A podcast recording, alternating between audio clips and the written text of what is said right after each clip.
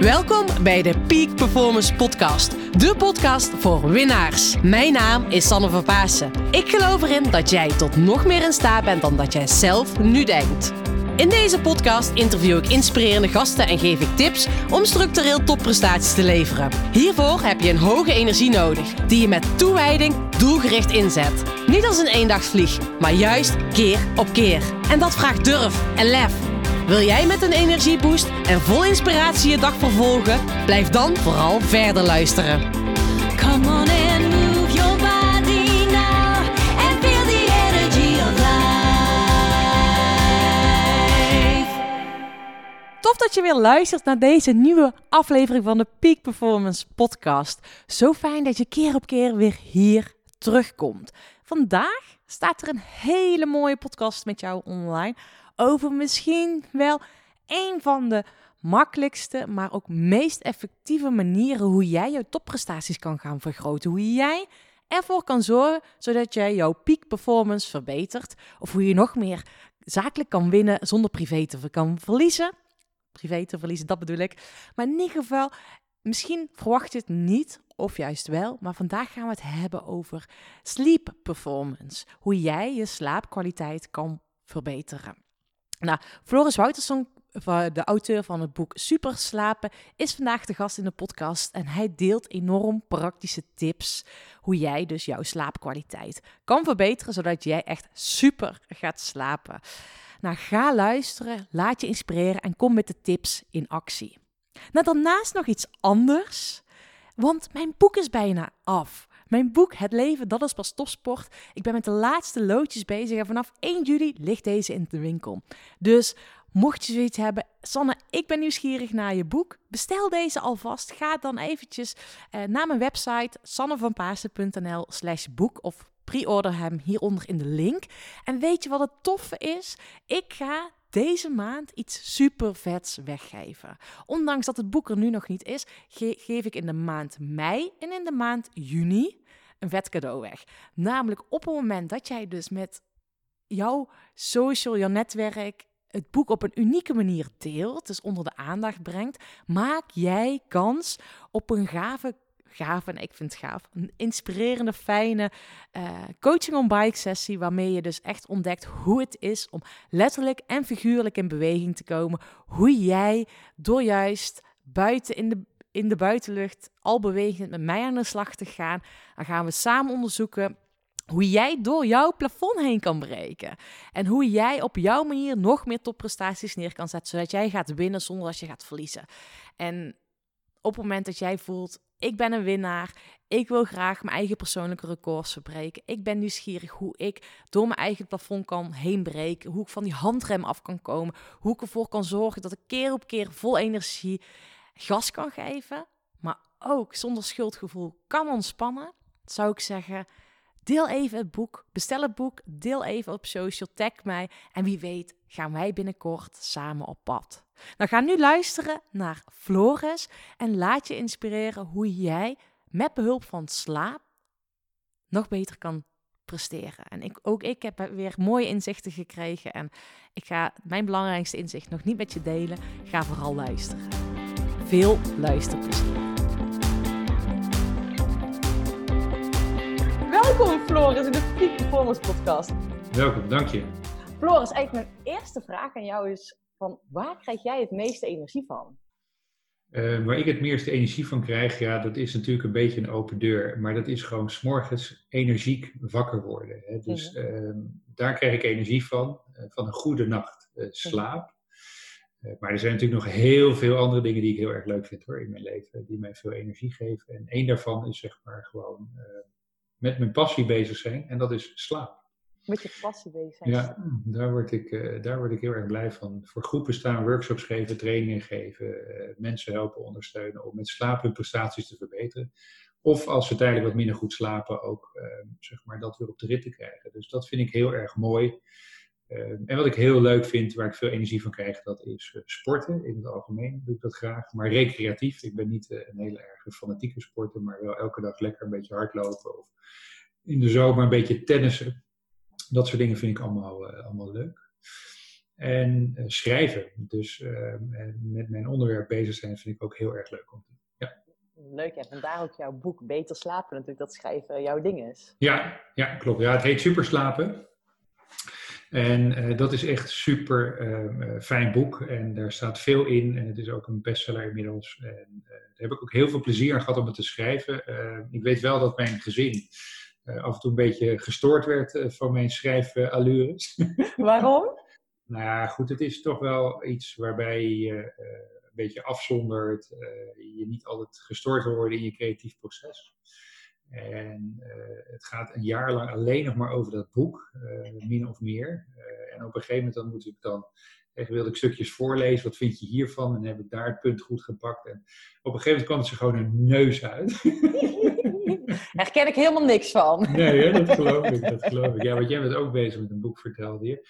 Ehm, dus maar ehm, ik heb ook van allerlei dingen uitgeprobeerd, maar in dat jaar... merendeel van het schrijven vond ik leuk, maar er waren ook wel momenten dat je denkt, eh, ik ben blij als het achter de rug is. hoor, Ja. want, eh, Nee, is die best wel moment heb ik nog nooit meegemaakt. Nee. I don't believe you. You don't believe you.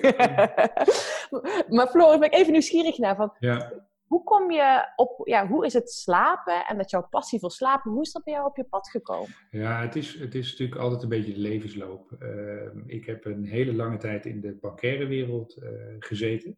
Mhm. Ehm, en eh, ik dacht dat ik dat heel erg leuk vond. Ehm, en ik kwam op een gegeven moment achter, eh, na eh, verloop van tijd, en dan praten we over een tijdspanne van ongeveer een jaar of dertien, denk ik. ehm, dat ik het gewoon ja, niet zo leuk vond dat ik, als ik dacht dat ik het vond. En als jij 's morgens wakker wordt en niet echt meer met een soort passie of vuur of whatever wakker wordt en je nou, we gaan weer vandaag dan kun je natuurlijk twee dingen doen. Ehm, ehm, je blijft het gewoon doen en bent op dat vlak met betrekking tot je werk dan ongelukkig. Het hoeft niet zo te zijn dat je op alle vlakken dan ongelukkig bent, maar het is wel gemiddeld acht uur van een dag dat je daarmee bezig bent. Of je zegt, nou weet je wat, ik ga gewoon iets anders eh, doen. En dat is een beetje een samenloop van omstandigheden geweest. Eh, mijn echtgenote Natasja, die eh, heeft in Duitsland gestudeerd aan de Möbel Fachhochschule in Keulen. En dat is een eh, hogeschool, zeg maar, die naast normale eh, stof, lesstof, zeg maar, ook alles rondom meubelen en dat soort dingen doet. En zij zei, als ik iets voor mezelf ga doen, ga ik iets met slaapcomfort doen. Waar ze daar vandaan, eh, dat vandaan gehaald hebben, ik weet het niet. Nou, zo gezegd, zo gedaan. We waren toen nog studenten, daarna zijn we getrouwd, we hebben kinderen gekregen, noem het allemaal op. En toen de jongste bij ons drie jaar was, toen zei ze, ik ga gewoon nu een eigen winkel starten. Nou, dat heeft ze dan ook gedaan. Ehm, en vele jaren later, ik ben er natuurlijk altijd wel bij betrokken geweest, maar meer op de achtergrond, eh, is dat microbe bij mij ook een beetje binnengeslopen. En eh, ja, ik ben gepassioneerd nieuwsgierig, zeg ik altijd zelf. Mhm. En eh nou, ben dan helemaal in dat onderwerp eh, gedoken en eh, er veel over gelezen. Vanuit ook zeg zeg maar de winkelomgeving hadden we ook klanten waar je dan een beetje mee gaat, ja, ik noem het maar voorzichtig experimenteren. Ja. Kun je die helpen, kun je die begeleiden, kun je die, eh, nou, ga je cursussen volgen, je gaat eh, goed leren coachen, noem het allemaal op. En voor je het weet heb je dan een soort ja, praktijk met mensen die je helpt en ondersteunt. En eh, hoe meer ik me met slaap ging bezighouden, hoe interessanter ik het begon te vinden. En hoe het allemaal met elkaar gerelateerd is, zeg maar. Ja. Maar dat slaap echt de basis is, letterlijk de basis. Van alles. Ehm, en ik zeg ook altijd dat slapen belangrijker is dan eten en bewegen samen. Ja. Het is echt het fundament. ehm, en bewegen en eten is ook heel erg belangrijk. En de mind, hè, want er is er ook nog eentje die Ja. een belangrijke rol speelt daarbij. Ja. Ehm, maar als dit, hè, die, die basis, dat fundament niet in orde is, ja, dan kun je nog zo gezond eten, je kunt nog zoveel bewegen. Je voelt je gewoon belabberd als je slecht geslapen hebt. Zo ja, dat klopt. Ja. Ja. Dus zo is dat een beetje gegroeid. En eh, ja, inmiddels ehm, ja, is het ehm, ja, een geweldig onderwerp om mee bezig te zijn. Ik krijg elke dag mails van mensen die blij zijn met mijn boek of met mijn Insta Live, zo weet ik wat ik doe. Eh, en dat is gewoon mooi om te zien. En ik heb ook heel duidelijk de, de, de invalshoek gekozen. Dat is denk ik ook nog even belangrijk om te vertellen. Als mensen aan slaap denken, denken ze vaak aan slaapproblemen. Mhm, mhm. En dat vind ik een veel te eenzijdige kijk op slaap. Ja. Eh, en zeker jij vanuit de topsportachtergrond weet je hoe belangrijk herstel is. Hè? En dat eh, grote sportclubs miljoenen investeren in spelers en eh, in coaches en whatever, maar gewoon slaap maar even buiten beschouwing Ja. laten. Dus die invalshoek, dus hoe je met slaap, door goed herstel, zeg maar, kunt zorgen voor goede prestaties. En een ander aspect waar ik ook heel erg, ehm, denk ik, veel succes mee heb, als ik het zo mag zeggen, is de zakelijke positionering. En dat is slaaptekort op de werkvloer bespreekbaar maken. Ja, want dat is Hè? echt niet normaal. Ja, en ehm, als je ziet, ik heb een speciale slaaptekortcalculator ontwikkeld die ook op mijn website staat, waarbij bedrijven kunnen invullen hoeveel medewerkers ze hebben, of er wel of niet sprake is van shiftwork, Ja. in welk land ze gelegen zijn. En dan klikken ze op eh, bereken, en dat is een gratis tool overigens. En dan zien ze meteen hoeveel dagen absenteïsme, presenteïsme en allerlei andere slaapgerelateerde eh, eh, problemen er zijn op de werkvloer.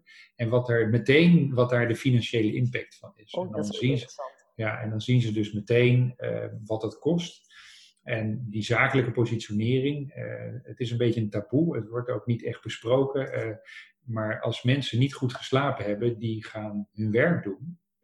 Maar er zijn twee grote problemen. 59% daarvoor, daardoor heeft concentratieproblemen. En een kwart maakt fouten. Dus ik wil niet behandeld worden door een arts bijvoorbeeld die te weinig geslapen heeft. Niet dat ik, dat, Nee. dat ik daarover kan, kan, kan beoordelen. Ik- ik- Als ik midden in de nacht ben ik blij dat hij er staat, dus hou me te goede. Maar ik word liever overdag geopereerd als ik mag kiezen, als iemand uitgeslapen eh, jou onder het mes neemt. Ja. Eh, maar wat denk je van verkeersdoden? Hè? Ik bedoel, eh 50% van alle dodelijke verkeersongelukken wordt ver- veroorzaakt door vermoeidheid achter het stuur. Ja. Nou goed, het grijpt dus helemaal in overal. Eh, gooi er een kwartje in en ik ben vertrokken.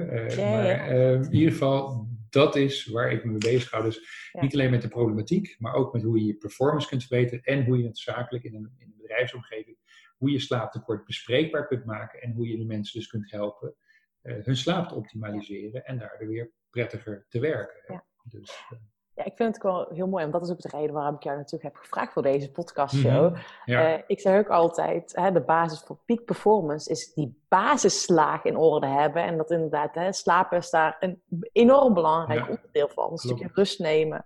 Ja. Daar wil ik zo meteen ook alles over weten. ja. Ehm, maar ik weet van mezelf ook als topsporter, je haakt het net ook al even aan. mhm. Ehm, eh, kijk, ik merk gewoon, merkte toen gewoon net voor spannende wedstrijden. mhm. Ja, dan vond ik, ehm, was slapen wel een dingetje. Ja, dan gaat je, je stressniveau omhoog. Ja, je gaat je stress niet, maar ook je gedachtegang. En ik weet Ja. dat ik altijd tijdens heel mijn sportcarrière met oordop in heb geslapen. Ja, En dat kom- kwam ook al omdat ik destijds in eh, een studentenhuis woonde waar heel veel herrie was. Dus Ja. dan, maar dat je dan op een gegeven moment zo gewend bent. Ehm, maar dat je mindset, want ik weet nog hoe ik er daarmee ben gestopt. Ik dacht, ja, weet je, lekker eh, romantisch dat ik nog steeds met oordoppen langs mijn vriend lig.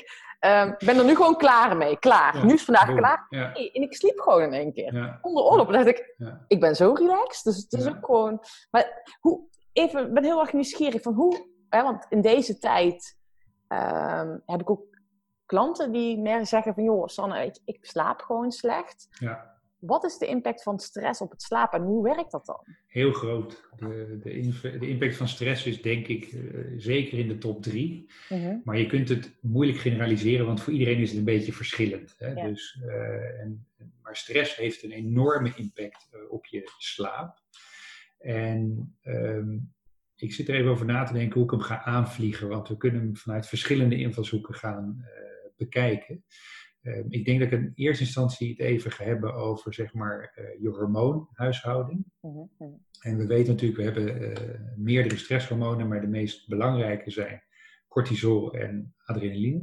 Mhm. En ehm, vooral bij zeg maar, slaap, slaapkiller killer nummer 1 is het hormoon cortisol.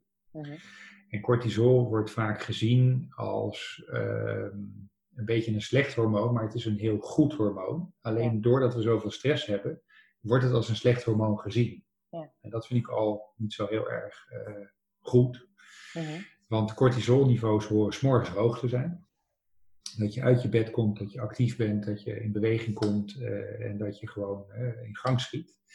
En aan het einde van de dag, rond een uur of tien s'avonds, wordt je cortisolniveau heel erg laag te zijn. Het laagste. En cortisol ehm, is zeg maar de, eh, het broertje of het zusje, noem ik het maar even, of de tegenhanger, is misschien beter geformuleerd, van melatonine. Mhm. En melatonine wordt vaak gezet als ons slaaphormoon. Nou, dat is niet ons slaaphormoon. Het is het hormoon wat slaap uitlokt en ervoor Mhm. zorgt dat we kunnen doorslapen. Eh, dus dat is wel een hele belangrijke om eh, te weten. Maar door onze lifestyle, en in dit geval dus stress, wordt voortdurend gedurende de dag hè, het cortisolniveau omhoog gepompt. Hè, dus ons vecht- of vluchthormoon wordt het ook wel genoemd. En is aan het einde van de dag dat niveau in cortisol in je bloed gewoon te hoog. En dat het te hoog is, heb je moeite met inslapen. Maar heb je ook een keer moeite met doorslapen, dat het gevecht aangaat met Beide. Ja. Ja. Eh, dus je gaat ook lichter slapen. En in deze periode dat mensen zeg maar, meer stress ervaren, bijvoorbeeld door corona, omdat ze hun job kwijt zijn, of dat ze niet weten hoe ze aan het eind van de dag de rekening moeten betalen, of weet ik wat voor toestanden. Kan ook zijn dat je familie niet in het ziekenhuis kan bezoeken. Dat kan ook voor stress zorgen. eh, of dat je bang bent naar het ziekenhuis te moeten. Eh, dat kan allerlei stressreacties uitlokken. Daardoor ga je ook, doordat je een hoger cortisolniveau in je bloed hebt, ga je ook levendiger dromen. Hè, dus levendiger dan dat je zou willen. Dus mensen worden dan soms morgens ook gewoon moe wakker, omdat ze weer in hun slaap een of ander gevecht gevoerd hebben met een leeuw of met een, eh, een of andere demon eh, waarvan ze niet weten wie het was. Eh, maar dat heeft daar ook gewoon met die hoeveelheid stress te maken. Dat is zeg maar de ene invalshoek die heel erg belangrijk is. En je kunt heel sterk invloed uitoefenen op je cortisolniveau door je gedrag overdag. Dus dat is wel belangrijk om te weten. Maar het tweede aspect is ook dat stress heeft een directe invloed op je darmen. En je kent de brein-darm-connectie, de brain-gut connection. Ja. Ehm, en ik heb er eh, heel veel tijd en energie, ehm, met name het afgelopen jaar ingestoken, dus 2019, eh, ben ik me helemaal gaan verdiepen in de relatie tussen slaap en ons bioritme, wat in onze hersenen zit, hè, dat Mhm. groepje neuronen. En op het moment dat jouw darmen gecontamineerd zijn, oftewel eh, door stress, door de verkeerde voeding, nou, door andere oorzaken die nog een rol kunnen, hè, dus, dus, eh, dus lichaamsvreemde moleculen die je bijvoorbeeld binnenkrijgt via deodorant, via tandpasta, via Oh ja, eh, ja. dat soort dingen allemaal meer, eh, wordt je microbioom, schuine streep darmflora, echt negatief beïnvloed. Hè? Want je hebt drie soorten van ba- darmbacteriën. Je hebt de goede, de neutrale en de slechte. Mhm. En de neutrale muteren naar slecht. Dus dan kiept eigenlijk het klimaat in je darmen. En ehm, dat wordt ook voor een heel groot deel door stress veroorzaakt. En als jij dan weet dat er bepaalde bacteriën verantwoordelijk zijn voor jouw bioritme, dan weet je dus dat als jouw darmen niet op orde zijn, je bioritme negatief wordt beïnvloed en je op dat punt ook weer slechter gaat slapen. En doordat je slechter gaat slapen, is het weer de vicieuze cirkel. Eh, contamineert dat weer jouw darmflora en zo gaat het Ah. heen en weer. Ja, ja, ja. Hè, dus eh, dat zijn eigenlijk twee belangrijke aspecten van een impact van stress op ons functioneren. En ik zeg altijd tegen mensen, als ze al uitdagingen met slaap hebben, natuurlijk zijn er heel veel mogelijkheden om stress te reduceren. En mindset speelt een hele grote rol, maar ook fix je darmen. Hè, eh, zet die Mhm. op punt. En daar heb ik, eh, zoals dat heet, de slaapdetox voor ontwikkeld om mensen te helpen om gewoon hun darmen op punt te zetten. En in de mensen die ik tegenkom, ik denk acht van de tien hebben echt een rotzooitje daar beneden. ervan Ja, ja, ja. Ja, als je dat Ja. vraagt hun stoelgang, hoe die is, dan... Ja, halleluja. En Ja. Daar, daar, daar is waar ik ook vaak begin. En ik kan de grootste en de snelste sprongen maken door met de darmen te starten. Het klinkt heel erg raar. Mhm. Eh, en natuurlijk werk je op meerdere niveaus. Maar ik start 9 van de 10 keer. Ik heb een aantal vragen over inderdaad. Hoe ziet je poep eruit en hoe komt die eruit? En, eh, Mhm. Dus je hebt die, eh, die, die Bristol Scale, ik weet niet of je die kent. hè. Nee, die ken niet. poep in zes niveaus eh Oh ja? verdeeld. Ja. Oh, dat is met die, met die, met die, dat die heel slijmerig is tot de Ja, keutels. eh, dan. Precies. Nou Ja. goed, en daar, nummer drie en vier, die zou je moeten hebben, bij wijze van spreken. En voldoe je daar niet aan, dan weet je dat je daar gewoon een rommeltje hebt. Ja. En waarom is het zo belangrijk? En waarom start ik in de darmen? Dat is misschien ook een vraag die veel mensen zich dan afvragen. Ehm 80% van de belangrijkste hormonen om goed te slapen, en waar worden die aangemaakt, denk je? In je darmen waarschijnlijk. Check. hè? Dus er wordt 400% meer melatonine aangemaakt in je dikke darm dan in je pijnappelklier hier. Ah, ja, ja. 400%. Eh, Ja. Als we het hebben over serotonine, wordt voor het leeuwendeel meer dan 80% wordt in jouw darmen aangemaakt. Als je het hebt over GABA, aminoboterzuur, dat wordt ook in de darmen aangemaakt. Ja. Ja? Ehm, en eh, heel veel mensen denken dat het in de hersenen gebeurt. Nee, het begint in de darmen. En wil jij dus goed slapen, fix je darmen Ja. en zorg dat die hormonen weer optimaal kunnen worden aangemaakt. En ehm, ja, het is niet voor de hand liggend. Ik ben denk ik ook de enige die dit ehm, ja, zeg maar roept. Ehm, ehm, Ja. Maar dat maakt ook niet uit. En ik hoop dat heel veel mensen het gaan oppakken en er Ja. ook gewoon veel beter over gaan nadenken. En ehm, het, het fixen van je darmen is echt essential for good sleep. Ik vind het wel mooi. Eigenlijk klinkt het heel logisch, want je hormoonhuishouding heeft natuurlijk gewoon... hè, je begint met cortisol, adrenaline, melanotine, allemaal hormonen, allemaal Ja. processen in je lichaam. Dus eigenlijk is het logisch dat Ja. het met je darmen begint. Ehm, maar ik kan me nu voorstellen dat de, de luisteraar nu aan het luisteren is en die denkt... Oh ja, mijn ontlasting. Hmm. Ja, Eh, ik heb wel eens gehoord van, en ik heb zelf ook al eens heel erg in voeding verdiept. Ik weet als mijn ontlasting eigenlijk goed is als ik mijn billen afveeg. Dat, dat ik eigenlijk niet hoef af te vegen, dan is die oké. Eh, dus oh, jij gaat jouw duim toiletpapier. Dat is Weinig toilet. Ja, Als je gehamsterd hebt, dat was niet nodig als je goede darmflora had. klopt. De- de- ze noemen dat de corona-hamster, hè? die hamster toilettenrollen. Ja, die? Dat is een ja. nieuwe. Gewoon hamster. maar in ieder geval, als je dus goede darmen hebt, dan is dat niet nodig. Nee. Ehm, maar als de luisteraar nu denkt, oeh, ik heb wel last van mijn darmen. Mhm. Eh, zijn er dan ook altijd dingen waar je zegt van, joh, ga hier als eerste mee aan de slag? Of, eh, Nou goed. ehm, ehm, eh, ja, er zijn, er zijn een aantal belangrijke dingen die je kunt, eh, kunt doen natuurlijk. Maar waarom ik me er zo in verdiept heb, is ehm, wat heel veel mensen niet weten. Ik moet nu even een zijsprongetje maken om zo dadelijk mijn punten rond de darmen te maken. Ik moet Mhm. echt even een uitstapje maken. Jij poetst elke ochtend en avond, neem ik aan, je tanden. Ja, Dus nou, dat doen de meeste eh, mensen. Alleen kinderen moet je er af en toe toe dwingen. ehm, en studenten soms ook nog. Ehm, maar in de regel doen we dat. eh, omdat, maar je weet ook dat als jij ehm, eh, een jaar je natjes je tandjes hebt gepoetst. Je toch tandplak hebt. En daarvoor naar de tandarts gaat. En je haalt je tandsteen en je tandplak weg. Klopt? Ja. En dat doe je elk jaar. Zo niet, dan kan je mogelijk karies, gaatjes eh, en is het met je mondhygiëne niet zo erg goed. En tandplak levert ons niks op. Het kost ons eigenlijk alleen maar iets. En een ander woord voor tandplak, de verzamelnaam noemen we ook wel de biofilm. En ik weet niet of je daar wel eens van gehoord hebt, een biofilm. Ik weet niet of jij een vriend of vriendin hebt, ehm, in ieder geval die je wel eens een keer bloemen of iets cadeau doet. En stel nou dat je die in een mooie vaas zet en die zet je neer en het is Valentijn geweest of noem maar iets op. En dan ga je een weekje gezellig op vakantie, maar je vergeet die bloemen eh, weg te gooien. Dus je komt terug en dan zie je dus die bloemen, die zijn verwelkt.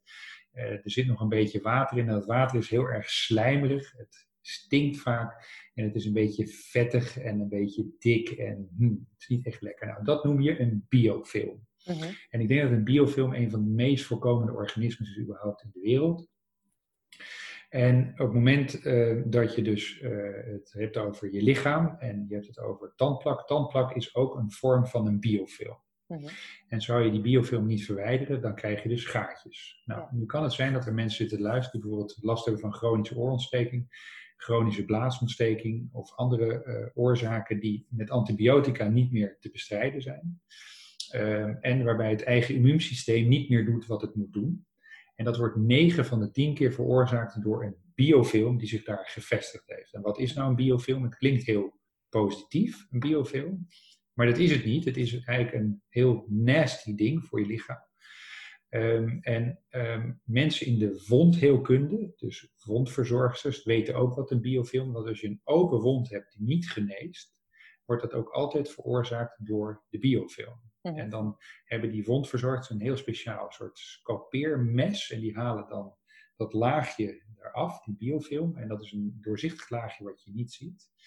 En dan eh, met de juiste wondzorg kunnen ze dan die wond weer laten genezen. Dus in de Mhm. tandheelkunde en de wondgeneeskunde zijn ze bekend met de biofilm. Maar bij heel veel andere mensen waar je het over biofilm hebt, dan zitten ze je aan te kijken waar heb jij het in godsnaam over? En wat is Mhm. nou het, het vervelende van een biofilm? Het is een doorzichtig laagje wat in een normale eh, eh, microscoop niet gezien wordt. Mhm. En in die biofilm verstoppen zich de bacteriën, schimmels, soms parasieten, Mhm. die dus eh, niet aangrijpbaar zijn door de antibiotica of de medicatie. En kunnen ook natuurlijke geneesmiddelen zijn, of ons eigen immuunsysteem. En die veroorzaken dus dan ziektes. En ehm, als mensen dus problemen met hun darm hebben, is de kans heel reëel dat ze een biofilm in de darm hebben. En die grijpt de glycocalyx aan, oftewel de darmslijmhuid. Oh ja. Daar krijg je dus op die plekken waar die eh, biofilm zich nestelt met parasieten, schimmeltjes, eh, bacteriën en dergelijke, krijg je lichte ontstekingen aan de darmwand, krijg je lichte wondjes aan de darmwand. Daardoor krijg je laaggradige ontstekingen, daardoor krijg je een overreactie van het immuunsysteem. Daardoor ga je vaak meer moe voelen, daardoor ga je niet goed voelen. Door de biofilm worden je nutriënten en je voedingsstoffen niet goed opgenomen. Nou, dat hangt allemaal met elkaar samen. Ja. Alleen heel veel mensen denken er nooit over na, hey, zou ik zo'n ding ook in mijn darmen kunnen hebben? Nou, het is ongeveer hetzelfde als amen in de kerk, dat je dat ding daar hebt zitten. Ja. Eh, iedereen heeft, net als tandplak, heeft iedereen ook een biofilm eh, in, Ja. in zijn darmen. En als je dus problemen hebt met je spijsvertering, in dit geval bijvoorbeeld met je ontlasting, Mhm. pak dan eerst die biofilm aan. Dat is één. Ja. Want je kunt wel met je eten aan de slag gaan en je kunt wel andere zaken ook zeg maar eh, verbeteren. Want hè, je voeding is ook een hele belangrijke. Ik zeg altijd, de beste dokter staat in de keuken. Dat is Sowieso, gewoon zo. ja. eh, absoluut. Ehm, en daarvoor ehm, heb ik dus voor het verwijderen van die biofilm uit de darm, heb ik dus een speciaal programma ontwikkeld. eh, om die eruit te halen en dan aan een hele goede darmopbouw te gaan doen. Mhm. En dan successievelijk ook die goede dokter in de keuken te zijn. En dan kun je dat hele zaakje gewoon op de rit zetten. Maar dat is niet iets wat je overnight doet. Hè? Wij leven in een wereld van instant. Ja. Vroeger was het zo ehm, dat we een stukje land hadden. De boer zocht dat uit. Hij, hij, hij zei, nou, dat is een mooi stukje land. Hij plantte wat dingetjes. Dan ging hij het cultiveren. Dan ging het mooi groeien. Dan kreeg je mais en weet ik wat allemaal. En dan gingen we oogsten. Maar tegenwoordig is het alleen maar zaaien en oogsten. Maar dat cultiveren, dat willen we niet meer doen. Nee, heb ik geen tijd voor. Daarom. Dus ik kan me voorstellen dat jij ook niet jouw topsportprestaties hebt geleverd door, weet ik wat, drie YouTube-filmpjes te kijken en dan eh, de wedstrijd te winnen. Nee, heel Nee, je hebt daar getraind en weet ik wat je allemaal gedaan hebt. Ja. Ehm, en dat is hier dus ook. Dus heb je een, een, een, een plakpoep, heb je eh, last van boeren, scheten, eh, onaangenaam ruik uit je mond, afte in je mond, eh, constipatie. eh, nou, er zijn allerlei dingen die je kunt. Hè. Mensen die eh, gewoon dagen niet naar het toilet kunnen. Een normaal persoon zou twee tot drie keer per dag een grote boodschap moeten. Maar de meeste mensen halen dat niet. Nee, nee. Ehm, ten tweede is het zo, ehm, je poep hoort een beetje lichtbruin te zijn. En een lekkere soepele keutel. Ja, sorry dat we het nu even over deze onderwerpen hebben. En ze moeten zinken naar de onderkant van je toilet. En wat je Ja. net al zei, je zou weinig toiletpapier moeten nodig hebben. En niet stinken. Hè? Want, en niet eh, steken. Ja, en ja, een beetje wel, maar gewoon niet in de mate dat dat bij heel veel mensen het geval is. Ehm, en dan de kleur, hè, wat ik al zei. Dus dat zijn eigenlijk vier, vijf criteria waar je een beetje naar moet kijken. Nou, is dat niet het geval, dan heb je nog heel veel te winnen. Ja. Niet alleen op vlak van slaap, maar een mooiere huid, meer energie, ehm, Ja. minder trek in zoet, ehm, op je gewicht blijven, makkelijker afvallen. Het gebeurt allemaal in die darm. Het is wel weer een eye-opener voor mij, want ik ben hier zelf al heel tijdens mijn sportcarrière echt heel bewust mee bezig geweest. Ja, Nou ik mee bewust bezig moeten zijn, omdat ik heel erg onderuit ben gegaan. Door Ja. te veel stress heb gehad, omdat ik even een universitaire opleiding deed. En mijn Ja. sportcarrière en een eigen team runde. ja, Ehm, en toen heb ik heel erg met voeding aan de slag gegaan. En ik merk dat nu weer een beetje bij mijzelf. Zegt mijn vriend wel eens. ehm, destijds hebben mijn darmen heel erg last gehad. Dat ik in een supermarkt stond en dat mijn vriend zei: Sanne, doe eens normaal, man. Dat ik ja, gewoon gênant scheten liet. ja, ja. Maar ik had het zelf niet eens door. Nee, precies. En daar merk ik zelf gewoon eigenlijk Ja. niks van. Maar mijn omgeving merkt het dus wel. Dat ik gewoon heel veel scheten laat. Ehm, en dat, de laatste tijd is er nu ook wel weer een beetje meer dat ik gewoon scheten laat. Ik denk, hoe kan dat? Terwijl ik het zelf niet merk. Maar dat gebeurt Nee. er dus van alles, een rottingsproces in je darmen. ja, klopt. Klopt. Dus dan is eh Dat is, dat is voor een deel de biofilm en natuurlijk ook wat je eet en hoe je eet. Hè. Eh, Er zijn heel veel zaken die daarvan invloed op zijn. Wat ik altijd wel belangrijk vind om te zeggen, om alles ook een beetje te relativeren. De beste dokter staat natuurlijk in de keuken. Ja. Maar als je het hebt over longevity, dus mensen die oud worden, Mhm. Eh, het zijn negen factoren. Het is Mhm. niet alleen eten en het is niet alleen voeding. Het zijn nog zoveel andere aspecten die van belang zijn of jij een lang en gezond leven hebt. Mhm. Eh, maar ik vind dat vaak heel veel mensen enorm de focus leggen op bijvoorbeeld in dit geval voeding. Maar ook bewegen is eh, belangrijk. Dan hebben we al nummer twee. Dan hebben we slaap is nummer drie. Mindset is nummer vier. Maar ook hoe je sociaal ingebed bent is ook een hele belangrijke. De omgeving waar je woont. Woon je in de buurt van Pernis onder zo'n vieze eh, oliekraker van Shell. Ja. Ik denk dat je gewoon niet echt supergezonde eh, lucht inademt, Nee. bij wijze van spreken. Dus er zijn je, je marital status, dus ben je wel of niet gehuwd, dus heb je een partner of heb je geen partner, bepaalt ook nog een keer. Genetische factoren spelen een rol. Hè? Dus, En nu ben ik al bij acht. Hè? Dus, ehm, eh, en al die elementen bij elkaar opgeteld, die bepalen uiteindelijk of je goed en gezond bent. Dus het is niet alleen dat slapen, het is niet alleen dat eten, maar het is, het is het geheel waarbij slapen bijvoorbeeld en darmen wel een hele belangrijke invloed eh, hebben op hoe jij je voelt. Ja, want als jij goed slaapt of goed eet, heeft er impact op je slaap, maar heeft ook weer een impact op ehm, je liefdesleven. Of Juist. op je sociale omgeving Ja. waarin je ingebed bent. Maar heeft ook weer natuurlijk impact op je Klopt. positieve state of mind. Want als je slecht geslapen hebt, eh, ben je prikkelbaarder, toch? Klopt. Ja, want die, in de hersenen s'nachts uh, speelt zich een wasbeurt af. Hè, dus je hersenen worden gewassen. Overigens is het nog niet zo heel erg lang bekend. Want wat ik altijd op mijn lezingen en eh, masterclasses vraag. Waarom slapen we eigenlijk? Weet jij dat, Sam?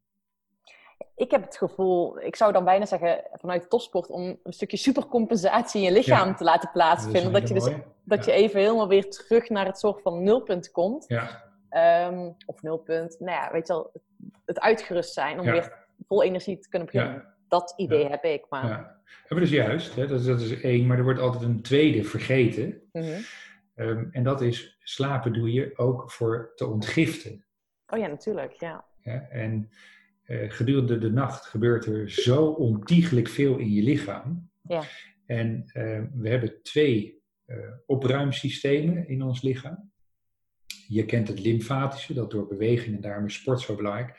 En de meeste mensen die sporten en die naar een sportschool gaan, die doen dat voor die bikini body. Hè, of in Ja. ieder geval er goed uit te zien. Ja. Sport is in feite, of bewegen in het algemeen, eh, het belangrijkste daarvan is gewoon ontgiften. Hè. Ja. En, een- en een bijproduct is dat je er lekker uitziet, of mooi uitziet, of een sixpack hebt, whatever. Maar in feite is, is, is rule number one om van afvalstoffen via de huid, via zweet en dat soort dingen, om daarvan af te geraken. En zoals je een lymfatisch eh, ontgiftingssysteem hebt, heb je ook een glymfatische, dat is sinds 2015 eh, ontdekt. En de hersenen krijgen gewoon s'nachts een hele wasbeurt. En je hersenen worden s'nachts ongeveer 40% kleiner. De hersenvloeistof neemt enorm toe. En alle neurotoxische rommel wordt eigenlijk eh, weggehaald en afgevoerd gedurende de nacht. En nu, hè, heel interessant natuurlijk, als je dus te weinig slaapt, geef je hersenen te weinig tijd om dit proces te voltrekken, blijven de neurotoxische stoffen achter. En die zorgen dus bijvoorbeeld weer voor relaties met Alzheimer en Parkinson op lange termijn. Ook nog. Ja, ja, er zijn heel veel gezondheidsaspecten die samenhangen met eh, te weinig slaap. En die zie je helaas nooit op de korte termijn, die zie je altijd pas op de lange eh, termijn. Mhm. Eh, maar daarom is het zo belangrijk dat je je lichaam eh, genoeg tijd geeft om te herstellen. Hè, dus wat jij al zei. Ja. Maar ook om te ontgiften. En eh, als je categorisch te weinig uren slaapt, Ja. geef je lichaam categorisch te weinig tijd om al die herstelprocessen en geheugenconsolidatie en geheugensporen te leggen, maar ook te ontgiften. En dat heeft op termijn gewoon eh, ja, slechte eh, uitwerkingen op je gezondheid. Even simpel gezegd, borst- en prostaatkanker ligt één op één in verband met te weinig slapen. Diabetes type 2, eh, beroerte, kans op een hartaanval, eh, noem het allemaal maar op, als je gewoon categorisch te weinig slaapt. En zo kan ik nog wel even doorgaan over. En even nieuwsgierig, want wanneer slaap je te weinig?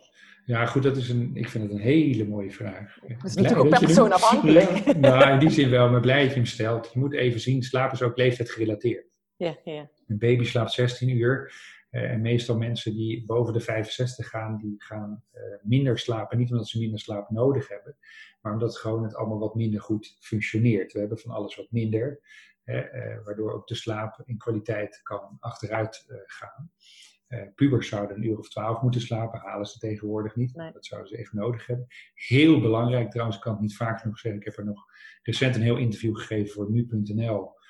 eh, dat het puberbrein is nog in volle ontwikkeling. De ontwikkeling van het brein vindt puur in de slaap plaats. Slapen pubers te weinig, vindt de hersenontwikkeling minder goed plaats. Hè. Dus onthoud hoe belangrijk dat is, zowel voor kleine kinderen, jonge kinderen, pubers, eh, tot jonge adolescenten. De eerste twintig jaar van je leven ontwikkelen zich je hersenen vooral in de slaap. Slaap je te weinig, ontwikkelen je hersenen zich gewoon minder goed. Punt. Heel simpel.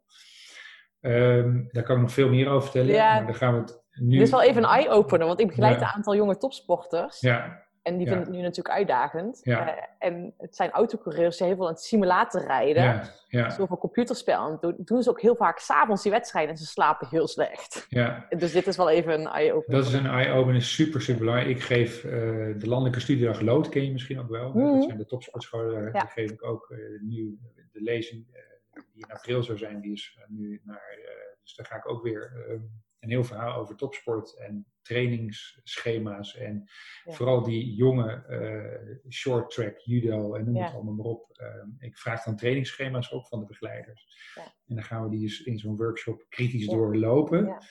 Om te zien hoe ze dus eh, in die 24 uur aan voldoende herstel en ontgifting eh, kunnen doen. Want ja, die zwemmers die gaan s ochtends, die liggen gewoon om zes uur in het water tot, tot acht. En dan gaan ze naar school en dan s'avonds nog een keer. Nou, Ja. Dat is heftig. Dat is heel pittig. heftig. Is heel ja, dat is heel heftig. Hè, dus, maar er, is, er zijn oplossingen voor. Dus ouders, begeleiders en dergelijke eh, geven daar ook allerlei tips en, en, en, en reik ik dingen aan hoe ze daar beter mee, mee om kunnen, kunnen gaan.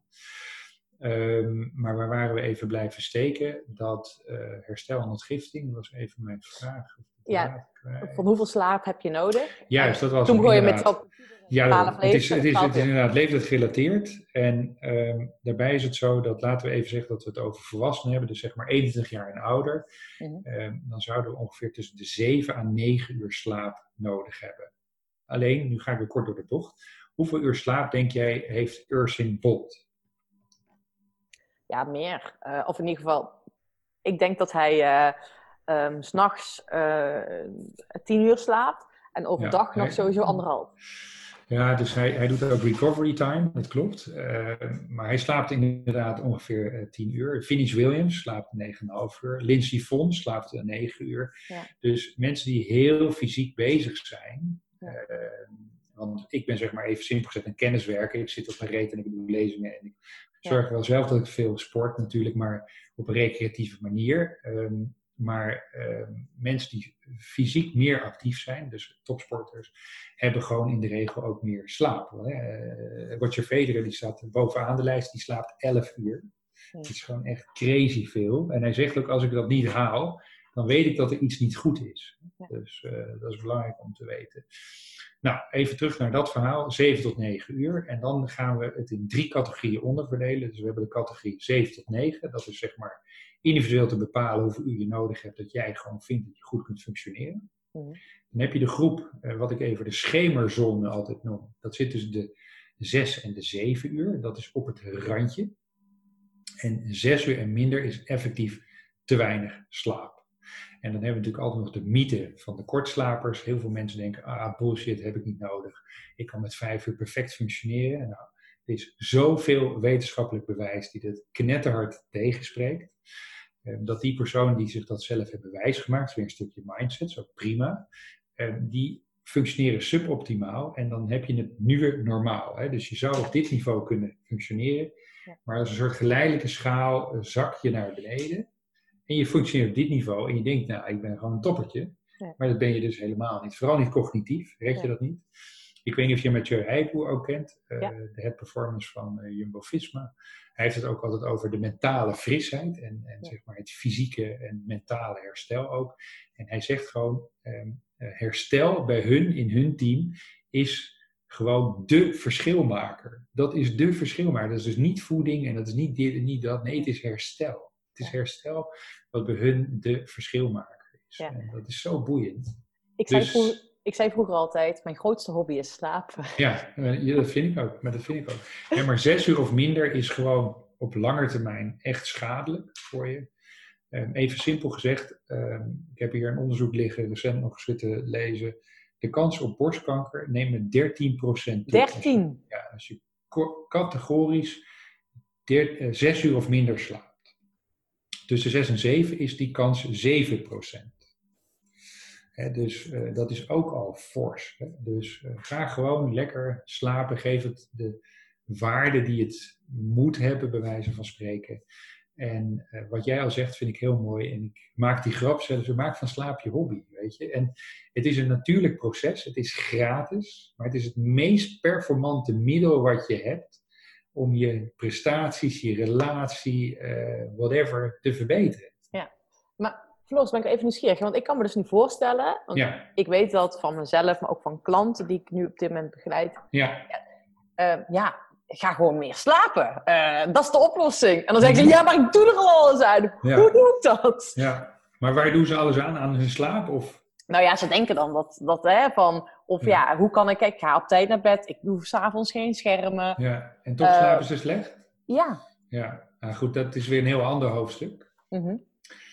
Ehm, en dan ga ik iets geks zeggen, maar die doen te veel hun best. Ja, dat, dat zeg ik ook. Ik, zei, ik vind het wel grappig dat je het nu zegt, want ik heb dus wel eens gezegd van, ja, maar ik slaap te weinig. Ik slaap niet goed. En oh, ik zeg maar, hier gaat het fout. Omdat jij al Ja. denkt dat je zo'n issue van het slapen Ja. maakt. Ja, dat klopt. Maar ook, hè, weet je, het is. Waarschijnlijk heb je ook wel eens je bezig gehouden, of misschien hou je er in je praktijk ook al met de internal en external locus of control, hou je je waarschijnlijk wel bezig. Ja. Ehm, en het is natuurlijk altijd zo dat als je altijd naar externe dingen zoekt om te optimaliseren, en neem maar een kind met een knuffel, pak die knuffel maar af en die gaat niet meer slapen. Nee. Nou, en Ja. dat is wat wij met ons volwassenen ook doen. Ja. Eh, het is een pilletje hier en niet meer dat en dat ook niet Ja. meer. En zus gaan we anders doen en whatever. Nou, het wordt een soort van, ja, weet ik veel, een soort. Eh, hoe zou ik dat nou goed formuleren dat ik het netjes uitdruk? Maar het wordt een soort, eh, ja, passie kan ik het niet zeggen, maar dan in de verkeerde vorm. Het wordt- Obsessie. ja, het wordt misschien een obsessie. Dat is denk ik het goede woord Ja. waar ik naar op zoek was. En doordat het een obsessie wordt, raakt het natuurlijke verloren. En Ja. gaan er dus allerlei dingen gebeuren. Ik zeg, je, je kent ook natuurlijk de psychoneuroimmunologie. En dat wil zeggen dat het eh, slechte eten is vaak niet zo slecht. Het is het denken dat het slechte eten slecht voor je is, Ja. wat het slechtste is wat je kunt doen. Eh, en dat wil niet zeggen dat je niet gezond moet eten. Dat is niet wat ik hiermee wil proberen. Maar alleen de gedachte al, eh, nu ook met al die shit van corona die over ons heen gegooid wordt. Ik denk dat dat veel mensen meer ziek maakt en meer stress veroorzaakt dan de corona aan zich. Ja, ja, ja. ja. En dat speelt hier dus ook een hele belangrijke rol. En mensen die heel veel doen en uiteindelijk dan toch niet goed slapen, Ja. die doen vaak te veel Ja. hun best. Ja, en ze maken er een issue van. Ja, dat is eigenlijk het voorbeeld wat ik tegen jou net vertelde over mijn oordop. Dat ik ze gewoon uitdeed. En op een gegeven moment zelf heb gezegd van... Ja. Oké, eh, ik doe het gewoon uit. Het is nu gewoon klaar. en ik ga gewoon slapen. Simpel is het. ja, cold turkey. Ja, eigenlijk gewoon... Ik ben er gewoon klaar mee. Hup. Ja. En ook wat ik eh, zelf nog tijdens mijn sportcarrière heel erg heb ervaren... is dat ik op een gegeven moment merkte van... Dat ik me gek maakte van, oh, morgen is die wedstrijd. Oh, ja, weet je, die spanning is hoog. Ja, En ehm, dan komt er op een gegeven moment een stemmetje in je hoofd. Ik moet slapen, ik moet slapen, anders ben ik niet goed genoeg. Ik moet slapen, ik ben Ja. nog niet goed genoeg. ja, En toen ik dat stemmetje heb om weten te buigen van... Waarom zou ik eigenlijk moeten slapen, weet je? Ik Ja. bedoel, ik ben ook goed. Dus, ja, En doordat ik gewoon tegen mezelf ben gaan zeggen... Al slaap je niet, dan rust je wel. ja. Sliep ik gewoon zo in. Omdat het gewoon, weet je... Het, het werd niet meer een hoofdzaak, het Nee, slapen. precies. Maar Ja. het was gewoon onderdeel. Ja, maar dat, dat, dit is het mooiste voorbeeld wat je kon geven nu, vind ik, in deze podcast. Dat is de crux. Alleen daar hebben mensen al moeite mee. Ja. Want het, is, het zijn allemaal controlemechanismes. Weet je? je kunt etherische olie gaan gebruiken en je kunt stoppen met koffie en je alcohol laten staan en meer gaan hardlopen voor meer slaapdruk en dit en dat en supplementen en whatever. Ja. Dat is allemaal prima, hè? Ik, heb daar niks op tegen en dat heeft zeker allemaal op onderdelen ook een meerwaarde. Dus dat is absoluut het geval. Maar zolang dit niet dat kan loslaten, Ja. en die obsessie, wat jij een mooi woord, daar was ik naar op zoek. Ja. Zolang die obsessie er blijft op dat punt, dan wordt het een hele lastige. En vaak kennen mensen ook niet alle mogelijkheden die er zijn om Ja. dingen te verbeteren, te optimaliseren. Laten we het maar eens een keer even hebben over de invloed van je darmen hè, op, Ja. jou, op jouw slaap. Maar het belangrijkste punt is echt effectief van in hoeverre ben je in staat om het los te laten. Hè? Gewoon te zeggen, weet je, slaap is een natuurlijk proces. Weet je, het treedt gewoon in. Je hoeft in feite niets voor te doen. Nee. Hè, ehm, eh, alleen dat zijn we vaak met z'n allen een beetje vergeten. Ja, ja. Dus eigenlijk, het is gewoon eigenlijk een, omdat je zo'n groot ding van maakt. Ja. Eh, en het is natuurlijk essentieel, maar eigenlijk is het gewoon, het gebeurt gewoon. Het overkomt. Ja, als het goed is, overkomt het je. En natuurlijk er zijn hè, zeg maar, ehm, wel een aantal factoren hoor, die ehm, eh, bij sommige mensen, dat noemen ze kwetsbaarheidsfactoren. Sommige mensen hebben meer aanleg om bepaalde problemen met slaap te hebben. Hè. Mhm. Eh, dus dat noemen ze kwetsbaarheidsfactoren. en neem maar bijvoorbeeld even ook weer eh, bij vrouwen die in de overgang komen. Dan gaat er hormonaal heel veel gebeuren. Ja, dan kun je nog zoveel uitspoken en proberen en whatever. Eh, het wordt gewoon heel lastig om goed te slapen. hè. Ja. Dus dat is een kwetsbaarheidsfactor. Eh, maar het kan ook zijn dat je in je jeugd een bepaald trauma hebt meegemaakt. eh, waardoor je eh, eh, moeite hebt om, zeg maar, s'nachts in het donker te slapen. Hè? Dat je nachtangst hebt, of dat soort dingetjes allemaal meer. Eh, dat is ook een kwetsbaarheidsfactor die jij niet direct zelf in de hand eh, hebt. Eh, en zo zijn er nog wel, dat kan ook een beetje genetisch in sommige gevallen plaatsen. Dus je moet altijd ook wel een beetje differentiëren. eh, je er niet achter verschuilen, want dat is wat mensen vaak ook graag doen. Denken, Mhm. oh, eh, het is genetisch bepaald. Mijn moeder had het al, dus ik heb het ook. Nou, daar ben ik Het ook mee- mindfuck. ja, daarom. Daar ben ik ook altijd een beetje voorzichtig mee. Maar de kwetsbaarheidsfactoren zijn heel belangrijk. Eh, dan heb je factoren die, zeg maar, het uitlokken, uitlokkende factoren. Daar zijn de meeste mensen in de regel mee bezig. Dus de uitlokkende factoren moet je denken aan gsm's en koffie en alcohol en stress en noem ze allemaal op. Dat zijn de uitlokkende factoren. En ze kunnen ook stapelen, die ik nu ga opnoemen. En dan heb je de, wat jij nu net zegt, de instandhoudende schuine streep versterkende factoren. Dat zijn de drie en alle drie zijn belangrijk om te weten. Alle drie moet je kijken, hè, waar zit die persoon die tegenover mij zit, eh, waar zit die bij die drie? En die versterkende zijn inderdaad dat manisch gaan lopen doen. Dat eh, heel erg erop zitten. Dat versterkt alleen maar dat je steeds slechter gaat slapen. Want de neuroassociaties in je hersenen die zeggen... Oh, gisteren was ik hier ook. En toen ging de hartslag al omhoog. En dan ging mijn bloeddruk al omhoog. En dan kom ik in die slaapkamer. Ja. En, oeh, en de dag erop doen die hersenen precies hetzelfde. Ja, dus en dat, dat zijn die versterkende factoren. En daar eh, zitten we vooral in heel, heel veel in die mindset eh, waar je aan moet werken. Dus dat, zijn die, dat is dat gelaagde proces van die drie stapjes. Eh, en dan pas kun je heel genuanceerd naar die slaapproblematiek kijken. En waar zit iemand dan? Heeft hij een, zeg maar een kwetsbaarheidsfactor in zich? Ehm, wat zijn dan zeg maar de uitlokkende factoren die hij in zijn leven heeft geroepen? Hè? Dat kan ook een snurkende partner zijn. Hè? Oh ja, natuurlijk. Ja, oh ja. Eh, en dan, wat zijn dan de versterkers of wat zijn dan de instandhoudende factoren? En daar moet je gaan kijken en dan ga je aan bepaalde knoppen draaien om dat te verbeteren. En degenen die dat vaak doen, zien dat zelf niet. En dat klinkt gek, daar hebben ze gewoon een coach voor nodig. Niet omdat ik dat ben, maar gewoon in het algemeen. Want je blinde vlek zie jij niet. Nee. Hè? Ja. Dus, en daarom noemen we het ook een blinde vlek. Hè. Ik, Ja. ik deed het leven altijd heel simpel op in drie categorieën. Je hebt what you know, what you know. Ja. What you know, what you don't know. Maar de meest interessante is what you don't know, what you don't know. Ja, dus ja, de blinde vlek. Dat is de, de- dat is de blinde vlek. En daar willen we het graag eh, ook het minste over horen. Hè? Want Ja. als ik iets ga zeggen over jouw karakter. Eh, en ik zeg, ik vind dat je altijd zus of zo bent. Ik noem maar even een dwarsstraat. Wat jij zelf helemaal niet vindt. Dan vind je mij in eerste instantie een klootzak. Hè? Of in ieder geval een eikel. Eh, hoe kan hij dat over mij zeggen? Maar na verloop van tijd ga je er misschien toch eens over nadenken. Misschien had hij daar toch wel een punt. Weet je? En dan gaat de deur een kiertje open en dan pas kun je met mensen gaan werken en ze helpen om dingen te veranderen en te verbeteren en te optimaliseren. Ja, ja. Maar soms ben je in eerste instantie een beetje de, ja, de, de pispaal, noem ik het maar even. Want jij gaat dingen aanspreken die een ander compleet via eigen waarneming anders ziet. Ja. Dus ik kan in weerstand schieten of Ja. van, ah, dat kan toch helemaal Ja. niet. Werkt dat? Werkt dat? Als ik met mijn darm aan de slag ga, heeft dat impact op mijn slaap? En ze zijn dan heel sceptisch. En, en, en, ze gaan over alles vragen stellen en alles wordt ter discussie gesteld. Ik heb gemerkt in mijn leven, hoe minder sceptisch sceptisch ik geworden ben, hoe meer deuren er voor mij open zijn. Ja, ja. ja maar, maar dat is het ook. En ik zie dat ook met mijn klanten, dat ik ook ooit gewoon zeg van, ga dat maar gewoon eens doen. Ja, ja. ja precies. En, nou en dat ze dan vervolgens, dat had ik nooit verwacht. Ik zeg, ja, Ja. weet je, en dat is wel het mooie, weet je, Ja. ehm, als je gewoon mee gaat experimenteren. Ja, klopt. En Floris, als je nu, hè, want als de luisteraar nu zit te luisteren en denkt, oké, ehm, als je misschien één ding mee mag geven van waar ze nu mee aan de slag mogen gaan, eh, als ze hun slaap hè, beter willen performen door nog beter te slapen.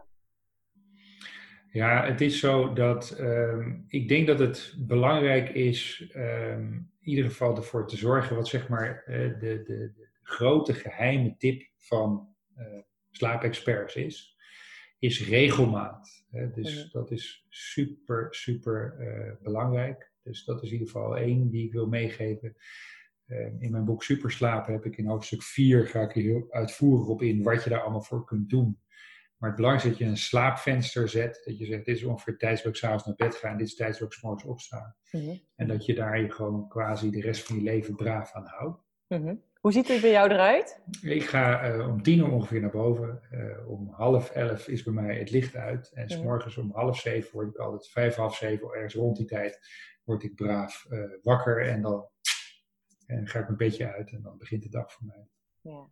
Dus dat is mijn slaapvenster. Eh, dus dat is in ieder geval één. En een tweede die heel erg belangrijk is, is temperatuur. En dat is denk ik de meest onderschatte factor bij goed slapen. En temperatuur hebben we het dan vooral over eh, je slaapkamertemperatuur, maar ook de temperatuur eh, van je dekbed, dus waar je onder ligt, dus Mhm. in je bed. En ehm, goed slapen, dus ik heb altijd opschrijfmomentjes. Dus als mensen zitten te luisteren en denken, nou, dat is allemaal mooi. Nou, wil je, wil je nu iets opschrijven? Dan geef ik nog even een opschrijfmomentje. en dat is het opschrijfmomentje goed, of zeg maar ehm, eh, ja, ex- excellent slaap, laten we het daar eens over hebben, is het uitschakelen van wekprikkels. Hè. En een wekprikkel kan ook een kat zijn die je s'nachts uit je slaap haalt. Oh ja. Maar ehm, een wekprikkel is te warm in bed, te koud in bed, ehm, te koud in je slaapomgeving. Een wekprikkel is een te harde matras, een te zachte matras. Dat zijn allemaal een, een kussen wat niet goed ondersteunt. Het zijn allemaal mogelijke wekprikkels. Dus goed slapen is het uitschakelen van wekprikkels. Dus schrijf die gewoon eventjes voor jezelf op. En ga er dan eens over nadenken, wat zijn allemaal mogelijke wekprikkels? Een wekprikkel is ook alcohol drinken. Dat is heel erg simpel. De tweede helft van de nacht wordt gewoon vernacheld. Zo simpel is het. Je hebt veel minder remslaap, je hebt veel minder eh, droomslaap. eh, en daardoor heb je minder cognitief herstel. Mis je die mentale frisheid en eh, kun je overdag gewoon minder goed en scherp functioneren. Dus regelmaat één, gecombineerd met het fixen van je darmen, zou ik willen zeggen. En Mhm. dan twee is temperatuur. Maar de lijst is lang, hè? En Ja, ja. Het, zijn, het is altijd stapelen. Het is nooit één ding. Ik weet niet of je wel eens een boek hebt gelezen van, eh, van Olsen, The Slight Edge. Iedere goede sporter eh, doet dat al. Maar die zou het boek nog eens kunnen lezen. En dat noemen ze ook wel de ripple effect. Oh ja, ja, ja.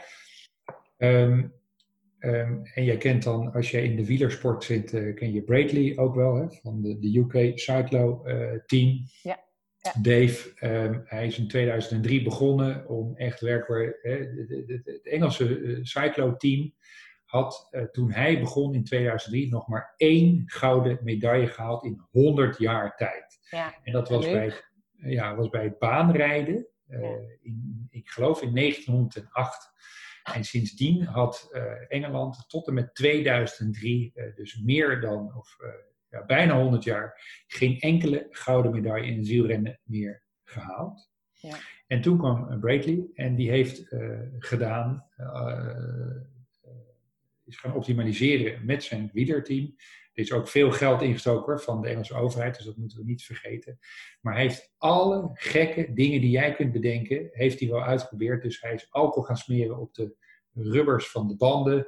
Hij heeft Ja. speciale massageolie is die gaan gebruiken. Hij heeft thermokeramische pyjama's is die gaan eh, inzetten. Eh, op voedingsvlak, wanneer je eet, wat je eet, hoe je eet. Ja. Ehm, de fietsen, als ze werden getransporteerd, eh, werden ze in witte bussen gezet. Dat er geen stof en weet ik wat allemaal in zat. De zadels hebben ze op een bepaalde manier gedaan. Eh, de schoenen die ze aan hadden, de kleding, nou, whatever. eh, van alles nog wat.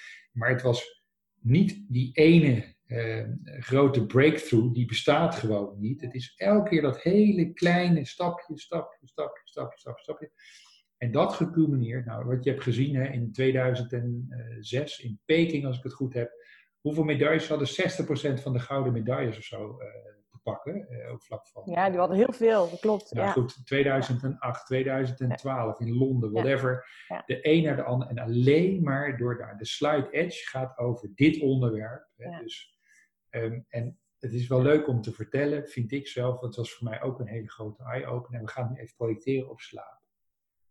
Snoes jij? Doe jij aan snoezen? Nee, nee, nee. Ja, kijk nou. In ieder geval, er zijn volkstammen die aan snoezen doen. Nou, Ja. snoezen aan zich, hè, if you snooze, you lose. Neem dat Ja. even als takeaway. Maar laten we even erover nadenken. Waarom snoezen mensen? Waarom doen ze dat? Ja, het is ik- toch zo lekker? Ja, ja, ik denk, ik, in mijn ogen is het altijd gewoon een mindfuck. Van ja, weet je, of ze hebben niet genoeg geslapen. Ja, dat kan. ehm, of ze liggen zichzelf wakker te Ja, maken. Of zo, zo, zo lekker zo. Ja, zo snoezen en doezelen en eh, nog even liggen of whatever. Nou goed. Maar wat is het nu eh, als volgt? Is ehm, snoezen makkelijk om te doen? ja. Ja, oké. En is het ook makkelijk om niet te doen? ja, ik vind voor wel, maar Nou goed, en dat- ik ben, ik ben bij, je hoeft er niet voor gestudeerd te hebben. Hè? Ja. Dus met andere woorden, opstaan, s'morgens als de wekker gaat, is dat moeilijk? het is gewoon een keus. Ja, is gewoon een keuze. Hè? En daar zit, daar zit de grootste uitdaging als je het hebt over gedrag. Al die makkelijke dingetjes hè, zijn makkelijk om te doen, Ja. maar ook net zo makkelijk om niet te doen. Ja. En daar gaan we vaak mis. De Ja. Ja. En En dat ze die keuze, die knop omzetten. Ja, gewoon, precies. waar kies je voor? ja, En ik weet van mezelf ook gewoon, als ik dat 's ochtends al, s'avonds voordat ik naar bed ga tegen mezelf zeg eigenlijk van, hoef ik geen wekker te zetten. Ik zou, als ik zeg tegen mezelf van, morgen vroeg sta ik om zes uur vol energie op, dan Ja. heb ik geen wekker nodig, ben ik om zes uur Ja, wakker en sta ik op. Ja, dat is een van mijn affirmaties in mijn boek. Ik heb er twintig eh, zitten erbij bij het bonusmateriaal. Ik geef twintig van dit soort affirmaties, dat jij s'morgens gewoon energiek je bed uitkomt. Ja, En dat, dat, dat gebeurt de avond daarvoor. Hè? Ja. Supergoed dat je dat doet. ja. Misschien heb ik hem wel uit je boek meegekregen, maar dat Ja. is wel het stuk wat ik gewoon heel erg tegen mezelf zeg van, Ja, Ja, het is eigenlijk hetzelfde wat ik tegen zeg. Ja, weet je, eh, al slaap je niet, dan rust je wel. Je boeiend, ik lig op bed. Mijn lichaam is gewoon in staat van zijn om te ontspannen. En klopt. dat is voldoende. Ja, Dus dat is wel heel mooi. Dus eh, maar ik vind het wel heel waardevol. Want je geeft wel ook nog net een heel paar praktische tips. En ook het stukje, het, ja, het compounding, het slide edge effect. ja, Stapje voor stapje. Ja. Eh, heb je dan ook zoiets van, wat is je advies van... ehm, ga met alles tegelijk aan de slag? Of nee, altijd? no way. Nee, dat is voor mij ook. Ehm, ja. Ik heb ook nogmaals, niet omdat ik het ben, maar in mijn boek heb ik een zogenaamde 21 dagen challenge neergezet. En die had ook 40 dagen kunnen duren, of 10 dagen kunnen duren, of 100 dagen kunnen duren. Dat Ja. doet er mij eigenlijk helemaal niks. Het gaat meer om het commitment dat je zegt, ik ga gewoon iets aan mijn routines, aan mijn gedrag of wat. Dus het gaat meer om het in beweging komen. En ik werk met kleuren en ik werk met een aantal eh, ja, zeg maar thema's waar je, want dus je hebt een soort intake. Aan de hand daarvan kun je zien waar jouw uitdaging ligt. Ligt die bij je darmen misschien wel? Ligt die bijvoorbeeld bij je voeding? Ligt die bij je bewegen? Ligt die bij je mindset? Whatever. En dan per categorie heb ik dan opdrachten die je kunt gaan doen. Hè, die je kunt veranderen om stappen te maken met je slaap. En daarbij geef ik altijd aan dat je er nooit meer dan drie tegelijk in je hand mag nemen Nee. van die dingetjes. Ja. En dat zou kunnen zijn, ik stop met snoezen, dat is dan bijvoorbeeld eentje. En Ja. de tweede kan zijn, nou ik neem in plaats van eh, de lift de trap, hè, dat kan dan nummertje twee zijn. En ten Ja. derde kun je bijvoorbeeld zeggen, ik neem geen tussendoortjes meer in de vorm van Snickers en, en, en, en dat soort Ja. viezigheid. Nou, eh, stel dat dat de drie zijn, dan ga je daar dus die week mee aan de slag. En op een gegeven moment zul je merken dat één van die drie je goed afgaat. En dan denk je, hé, hey, nou, dat loopt lekker. Dat, dat heb ik een beetje in mijn systeem nu wel. Dat loopt prima. Dan kun je zeggen, die leg ik weg. En ik pak een nieuwe derde erbij. En dan werk je weer verder aan die andere drie. Totdat je uiteindelijk weer misschien eh, van die tweede of die derde ook iets hebt gefixt. En ehm, op die manier eik je die dingen, maar drie maximaal en dan micro-stapjes. Hè? Micro-stapjes. Ja. Daar maak ik En- vaak fouten in. Ja. Ja, de mensen gaan altijd met oud en nieuw, nieuwe voornemens. De meeste fitnessabonnementen worden verkocht in december en januari. De mensen allemaal, oh en dit en dat en zus en zo. Nou, dan gaan ze als een, als een wilde aan de slag. De meeste zijn na drie weken alweer gewoon eh, weg. En, ehm, of, of ermee gestopt, noem het allemaal maar op. Maar het zijn, hè, mijn motto is, staat ook op de backflap van mijn boek: Change a little, change a lot, every day. Every day. En dat uiteindelijk zorgt voor dat compounding effect. En als je elke dag 1 euro op de bankrekening zet, en je doet dat 10 jaar lang, moet je eens kijken wat dat voor effect heeft. En dat is wat mensen wel eens vergeten, dat het de gedragingen zijn over de langere termijn die uiteindelijk het verschil maken. Ja. En eh, een van mijn favoriete quotes op dat vlak is ook, hè, people don't decide uh, about their futures, they decide uh, about their habits, and the habits decide their future. Weet je, Ja, dus ja. jouw gewoontes bepalen uiteindelijk hoe jouw toekomst eruit ziet. En als je die kleine stapjes niet zet Ja. en niet blijft zetten, ja, dan 9 van de 10 keer. En, en, en topsporters hebben dat, hè? want jij ja, had dat nooit kunnen. Je bent elke dag heb jij je er doorheen gesleurd of je er doorheen laten sleuren, eh, afhankelijk van de situatie. Om daar te geraken waar je gekomen bent. Ja, en dat is wel, want hè, dat is ook wat ik elke keer toen heb gezien, die kleine stapjes, Ja, maar ook op veel verschillende fronten, ja, ehm, keer op keer. En dan het je eigen maken, nieuws aanleren, goed team. Wat Ja. ik wel ben vergeten, is een stukje een goede body-mind connectie. Dus niet meer van die harde werklullen, weet je wel, niet alleen maar vanuit die mentaliteit, maar Ja. meer vanuit het gevoel. ja, Dat is waar ik nu wel heel erg goed in ben en dat ik combineer. En, en als je die twee samen hebt, dus zeg maar die drive en die topsportmentaliteit, maar ook het luisteren naar je gevoel, is natuurlijk beter voor je stressniveau en dat heeft er impact op je slaap. Nou, dat, absoluut. ja, maar super waardevol, want dit is volgens mij nog wel een mooie afsluiter voor deze podcast. Ja. Van, ga stapje voor stapje voor stapje, Ja. in plaats van dat je alles gaat veranderen. Dus als je nu zit te luisteren, neem voor jezelf één ding of drie dingetjes waar je mee aan de slag gaat. Ehm, en dat kan ook gewoon zijn van check eventjes eh Wout, eh, Floris zijn boek. check die even. Ja. Ehm, want dat kan al een kleine stap zijn om ook van daaruit nog meer tips te halen. Of ga Mhm. met je slaapritme aan de slag. Hè? Je Ja. voeding, dat zei je al. Temperatuur. Nou, heb je nog dingetjes die je zegt van... Die moet, dat moeten we nog meegeven als afsluiter? Nou, ik denk dat er al heel veel, eh, althans in die zin, eh, de grotere domino-stenen heb ik in ieder geval al een aantal van eh, genoemd. Maar er zijn zoveel gebieden waar je mee kan, kan beginnen. En ik denk dat de belangrijkste die je nu net zelf ook herhaald hebt, begin met kleine stapjes en hou ze vol. Weet je? En gooi niet na twee of drie weken de handen in de ring als je niet direct resultaat ziet. Want dat is ook wat vaak gebeurt, dat je al de kind met het badwater weggooit.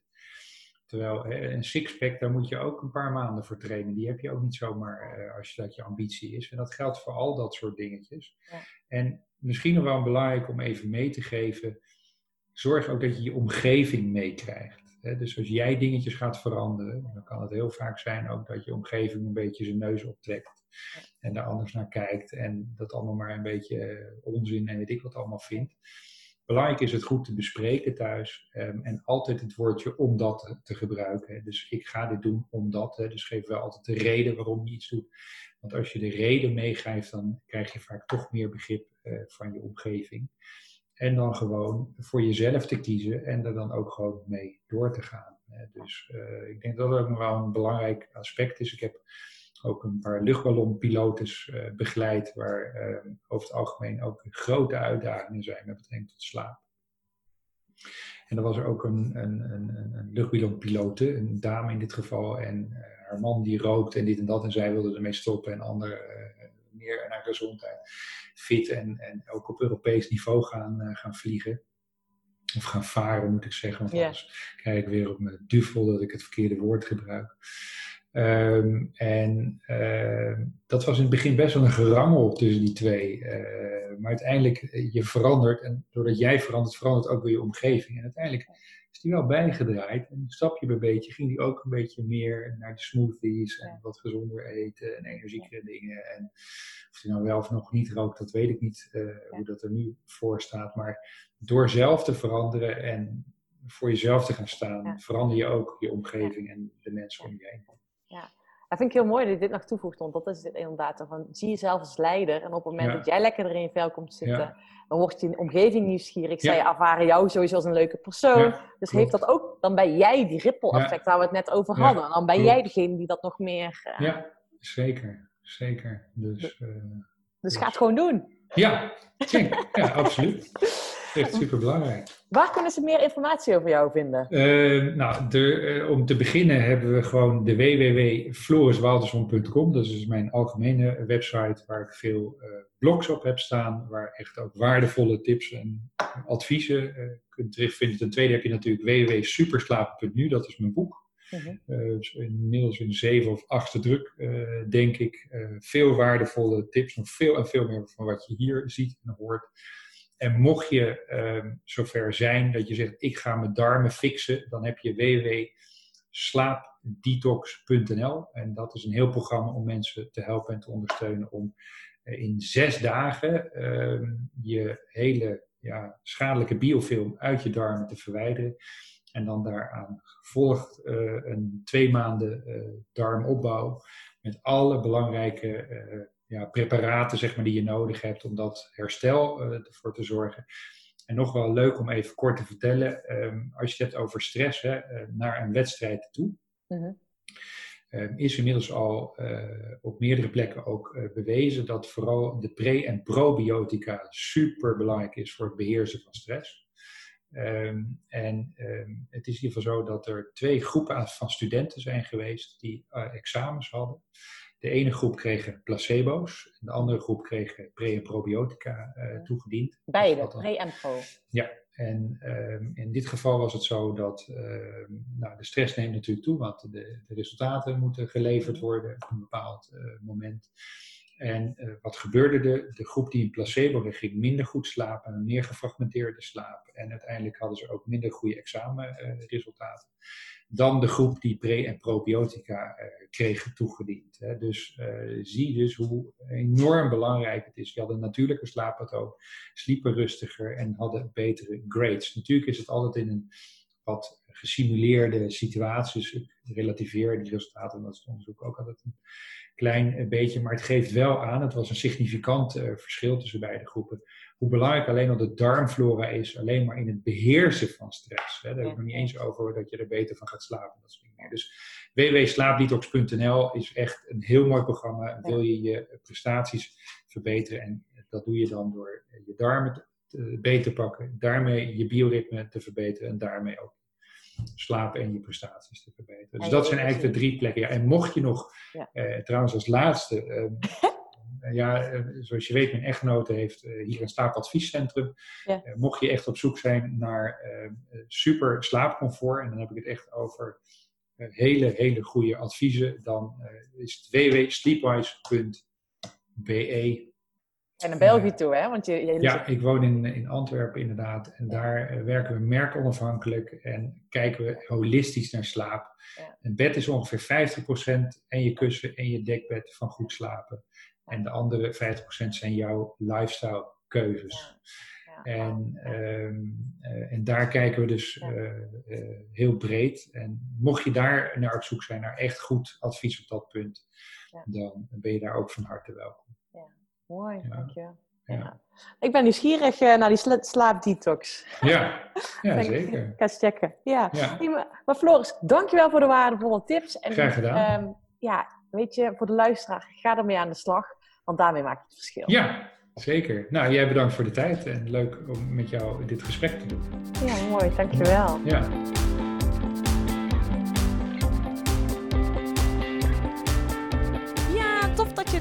hebt afgeluisterd. Dankjewel daarvoor. Ik vind het zo fijn dat je tot het einde bent gebleven. Nou, mocht je deze podcast interessant hebben gevonden, dan vind je waarschijnlijk de podcast met Francisca van der Berg, de volgende podcast over hormonen. Ook super waardevol, want je hormonen hebben ook enorm veel impact op hoe jij jezelf voelt, op wat voor prestaties je neerzet, of je lekker in je vel zit. Dus ga deze podcast ook zeker luisteren. En mocht je mij willen helpen om deze podcast nog populairder, onder nog meer luisteraars onder de aandacht te laten brengen, maak even een foto, tag mij en vertel op social dat je deze podcast aan het luisteren bent. Daar help je me enorm mee, dus dank je wel daarvoor. Hey, een hele fijne dag, middag, avond. Ehm, geniet van vandaag, zet die lach op je gezicht en maak plezier. Doei doei! Bedankt voor het luisteren van deze podcastaflevering. Ik vind het zo gaaf dat je tot het einde bent gebleven. Nou, daar wil ik je natuurlijk ook voor bedanken. Ik wil nog twee dingetjes meegeven. Ga naar mijn website toe. Daar heb ik een toffe weggever staan waarbij ik je help vol energie je doelen te realiseren. Moeiteloos, recht op de finish af en ik help je zakelijk winnen zonder privé te verliezen. Nou, ik zou zeggen, ga eventjes eh, naar mijn website en daar vind je deze gratis download. En ik help je dus echt mee om recht op de finish af te gaan. En daarnaast wil ik je vragen, want het is mijn missie om nog meer mensen, om duizenden mensen te inspireren met deze podcastshow. Dus maak even een screenshot, deel het op social media, tag mij. Ja, en ik vind het dan ook weer leuk om jouw verhalen weer te delen. Dus deel mijn inzicht, of jouw inzichten van deze podcast en dan zie ik deze ook weer voorbij komen. Dankjewel, een hele fijne middag, avond of ochtend toegewenst. En vergeet één ding niet, kom in actie, want daarmee ga je het verschil maken. Doei doei! Come on.